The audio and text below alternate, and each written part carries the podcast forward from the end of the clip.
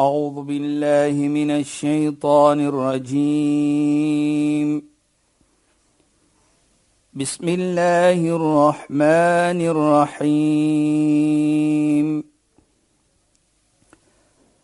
اليوم أكملت لكم دينكم وأتممت عليكم نعمتي. وأتممت عليكم نعمتي ورضيت لكم الإسلام دينا. صدق الله العظيم. بسم الله الرحمن الرحيم. الحمد لله رب العالمين والصلاة والسلام على أشرف المرسلين.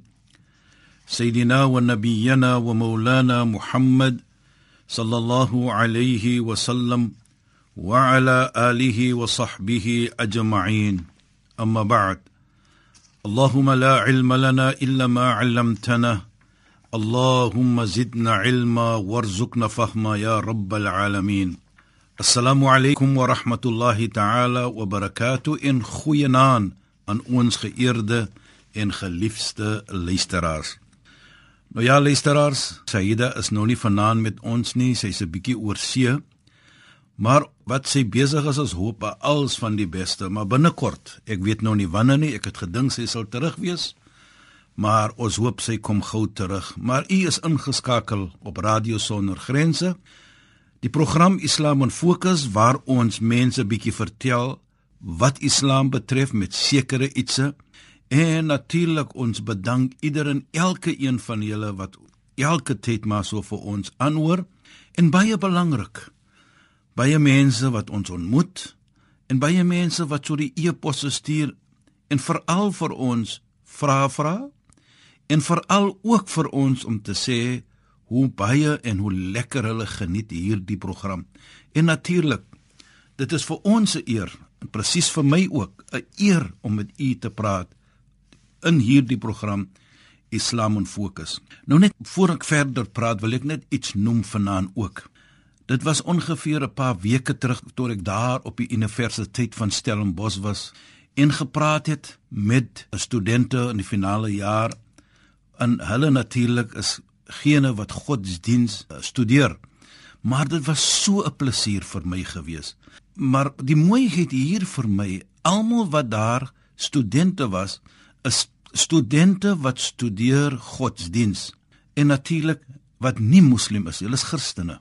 En ek as moslim het gepraat met hulle van die mooiheid van Islam natuurlik. Dit was hoe ons met mekaar en saam met mekaar kan lewe.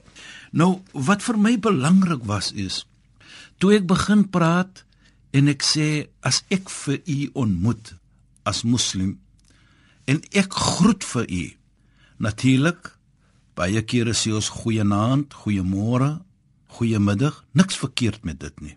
Maar toe ek vir hulle verduidelik van hoe Islam die groet aankyk, waar ek sê assalamu alaykum wa rahmatullahi wa barakatuh. Nou in die verlede het ons so 'n bietjie gepraat van dit.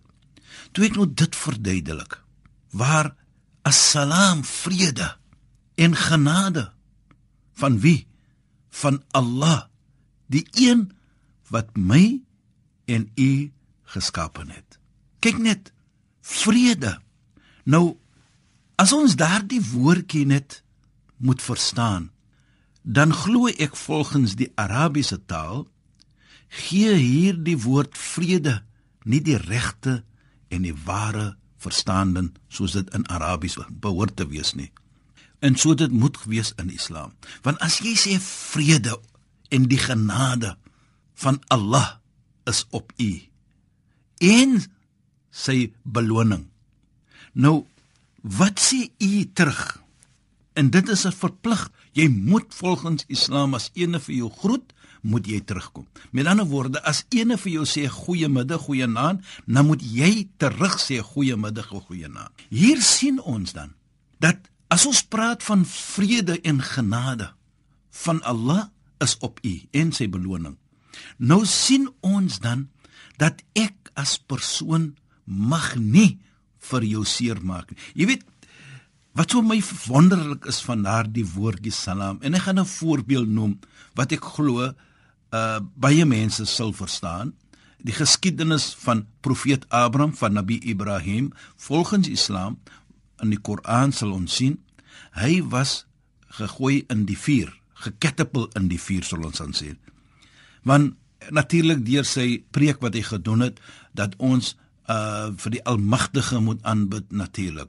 Maar dit is natuurlik 'n geskiedenis, maar wat ek probeer om te sê, toe hulle vir hom catapult in die vuur. Nou ek sê catapult want hulle kan nie naby die vuur gegaan het die mense hulle self nie want die vuur was te warm geweest voor hy in die vuur kom, toe was daar 'n beveling van die Almagtige waar Allah subhanahu wa ta'ala praat in die heilige Koran, "Ya nar kuni bardan wa salaman ala Ibrahim." Oop vuur, wees koel. Nie warm nie, koel. Wa salama. Laat hy in die vuur wees met vrede. Met ander woorde, die vuur, jy mag nie vir hom seermaak nie. Nou kyk net Dit is 'n bevel van Allah teenoor die vuur. Nou natuurlik as dit kom na Allah subhanahu wa ta'ala, die almagtige, niks is onmoontlik nie. Waar die onmoontlik moontlik kan gemaak word. Hier sien ons dan, volgens die Koran, was hy in die vuur en die vuur het nie vir hom seer gemaak nie. Nou verstaan ons dan, die vuur het nie vir hom gebrand nie. Hy het hom niks gedoen aan hom nie, maar ook natuurlik die mooiheid wat ek wil sê ook hier vanaand is toe daar profeet Abraham gevra word wat was jou beste dae in jou lewe? Toe sê hy die tyd toe ek gespandeer het in die vuur. Hoekom? Het hy die krag van Allah gesien. Hy het die krag van die almagtige gesien. Nou so die vuur het hom nie seer gemaak nie soos ons sal sê gehaam nie nou so moet ek wees teenoor 'n nog 'n mens. Die oomblik ek hom ontmoet en ek gee vir hom en ek sê vir hom daardie woorde van assalamu alaykum wa rahmatullah. Hoe kan ek nog vir hom seermaak? As ek dit sê en dit kom van die hart af kan ek mos nou nie vir hom seermaak nie. Ek moet hom beskerm. Soos Allah beveel het die vuur om vir profeet Adam te beskerm. So moet ek ook daardie persoon wat ek groet beskerm. Dit maak nie saak watter geloof ons nou hiervan praat nie of wie dit ook al mag wees nie, maar in die einde van dit moet ek die persoon beskerm. En dit vir my kan net vorm liefde onder mekaar en met mekaar. En dan soos dit het as ons liefde het, dan outomaties gaan dit nie meer om soos ons sal sê wie jy is of wat jy is nie, maar die omgee is belangrik. Jy weet, ek sê altyd maar dit maak nie saak watter geloof jy behoort aan nie, maar ek moet vir jou respek.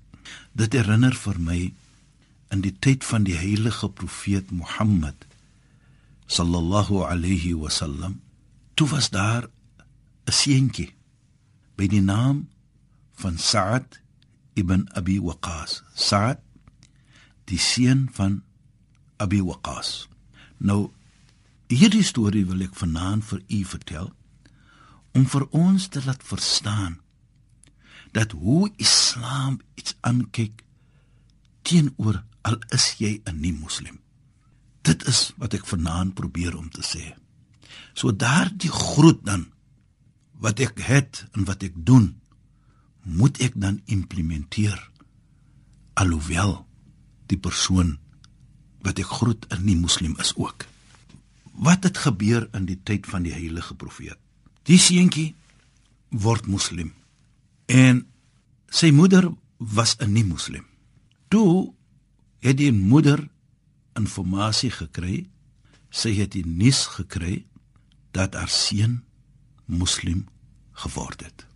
En eendag toe hy huis toe kom, na natuurlik die moeder nou weet dat haar seentjie moslim geword het, sê die moeder aan hom: "Ya Sa'd, kad balaghani annaka aslamt Saad ek het die nuus gekry dat jy het moslim geword. Wat antwoord hy toe sy moeder?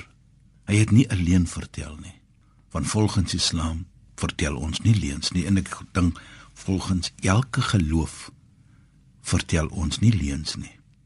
Hy sê aan sy moeder naam ya ummi utlubi ja my moeder wat is daar wat ek kan doen? Nou ons weet volgens islam moet ons 'n moeder 'n vader baie respek gee ons mag hulle nie seermaak nie toe sê die moeder aan hom in kunta tu'min bi muhammadin haqqa fasma' kalami as jy waarlik waarlik glo aan Mohammed, dan moet jy hoor wat ek te sê het. En hy sê ook vir sy moeder op 'n mooi manier. Ja, my moeder. Naam. Utlubi wat is daar wat u wil hê? Wat ek moet doen? In kunta tu'min bi Muhammad in haqqan fasma' kalami. As jy waarlik glo aan Mohammed, dan moet jy hoor wat ek te sê het. Hoekom? فإن الدين محمد يأمر ببر الوالدين van waarlik waar die geloof van Mohammed beveel jou om die ouers te gehoorsaam. Nou onthou, sy was nie 'n moslim nie. Saad Hasienki het moslim geword. En hy sê toe vir haar: "Wat is daar wat ek kan doen, my geliefde moeder?" sê vir my en sy sê weer aan hom in kunta tu'min bi muhammadin haqqan fasma' kalami ukfur bi muhammad as jy waarlik glo aan muhammad dan moet jy hoor wat ek te sê het en jy moet implementeer wat ek vir jou gaan sê want waarlik waar die geloof van muhammad beveel jou om vir my te gehoorsaam. En ek beveel jou om teen muhammad te dryf Wat sê hy toe? Hy sê aan sy geliefde moeder: "Ya ummi, o my geliefde moeder, in kanat laki mi'atu nafs, تخرج نفس بعد نفس على أن أكفر بمحمد لن أكفر به as u moet het 'n 100 siele elke siel verlaat die liggaam een agter die ander dat ek moet teen Mohammed ry sal ek dit nooit doen nie. En hy loop weg. Waar toe gaan hy? Hy gaan na die heilige profeet Mohammed sallallahu alayhi wasallam om nou vir hom te gaan vertel wat gebeur het tussen hom en sy moeder. Want dit was nie 'n lekker iets vir hom nie. Dat hy dit nou al die tyd natuurlik weggehou van sy moeder dat hy moslim was, maar hier het sy moeder nou uitgevind of ene het natuurlik sy moeder kom vertel dat haar seentjie Saad is nou 'n moslim. Hier gaan hy na die heilige profeet Mohammed. En toe hy daar kom, toe wat sê die heilige profeet voor hy enige iets kan sê, toe sê die heilige profeet Mohammed sallallahu alayhi aan hom: "Laqad balaghani 'allamul ghuyub ma hasala baynaka wa bayna ummik." Waarlik waar. Die een wat weet die afwesigheid. Allah subhanahu wa ta'ala het vir my vertel of gestuur die boodskap en die inligting wat gebeur het tussen jou en jou moeder.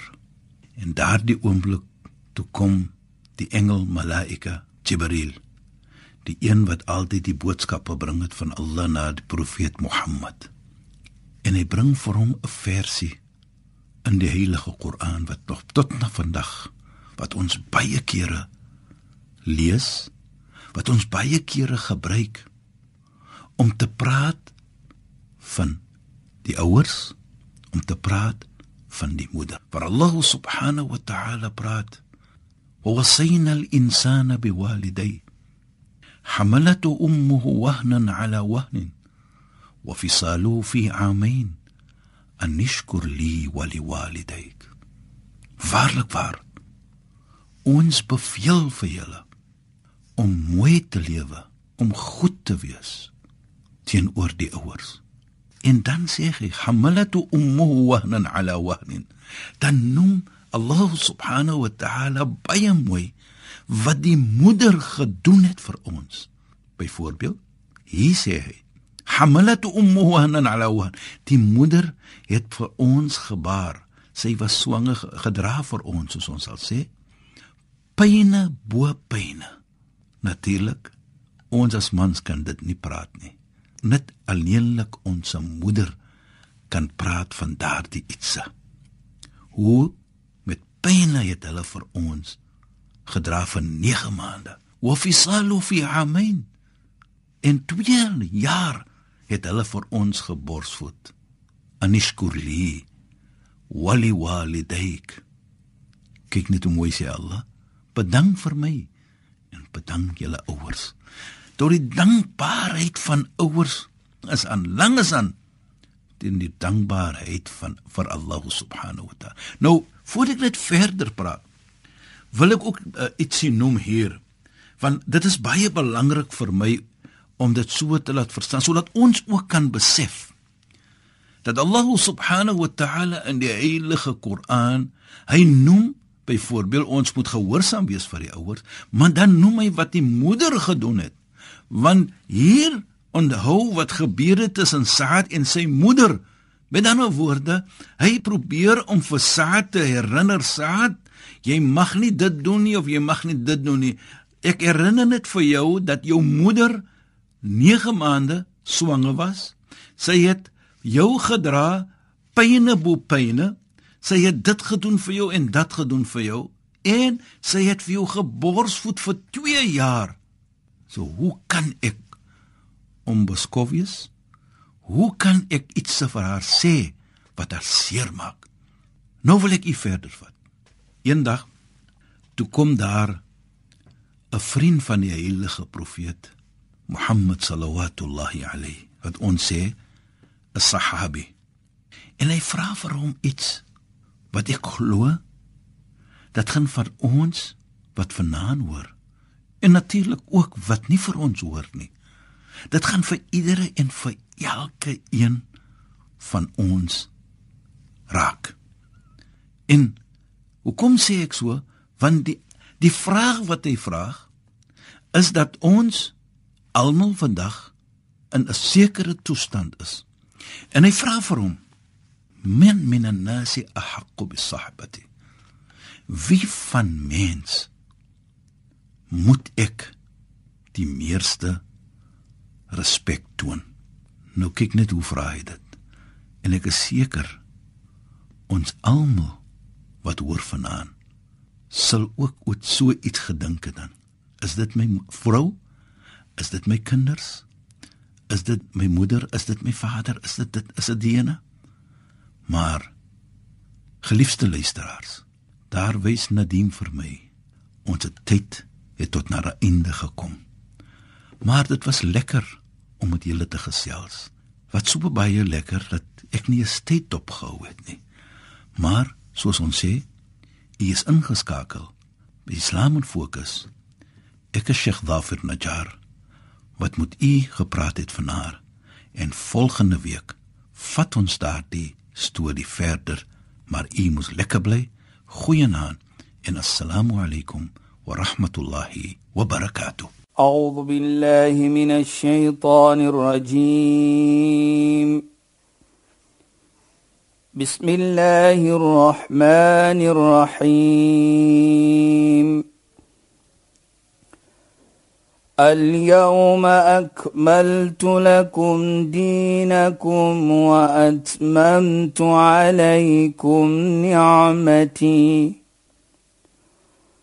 وأتممت عليكم نعمتي ورضيت لكم الإسلام دينا.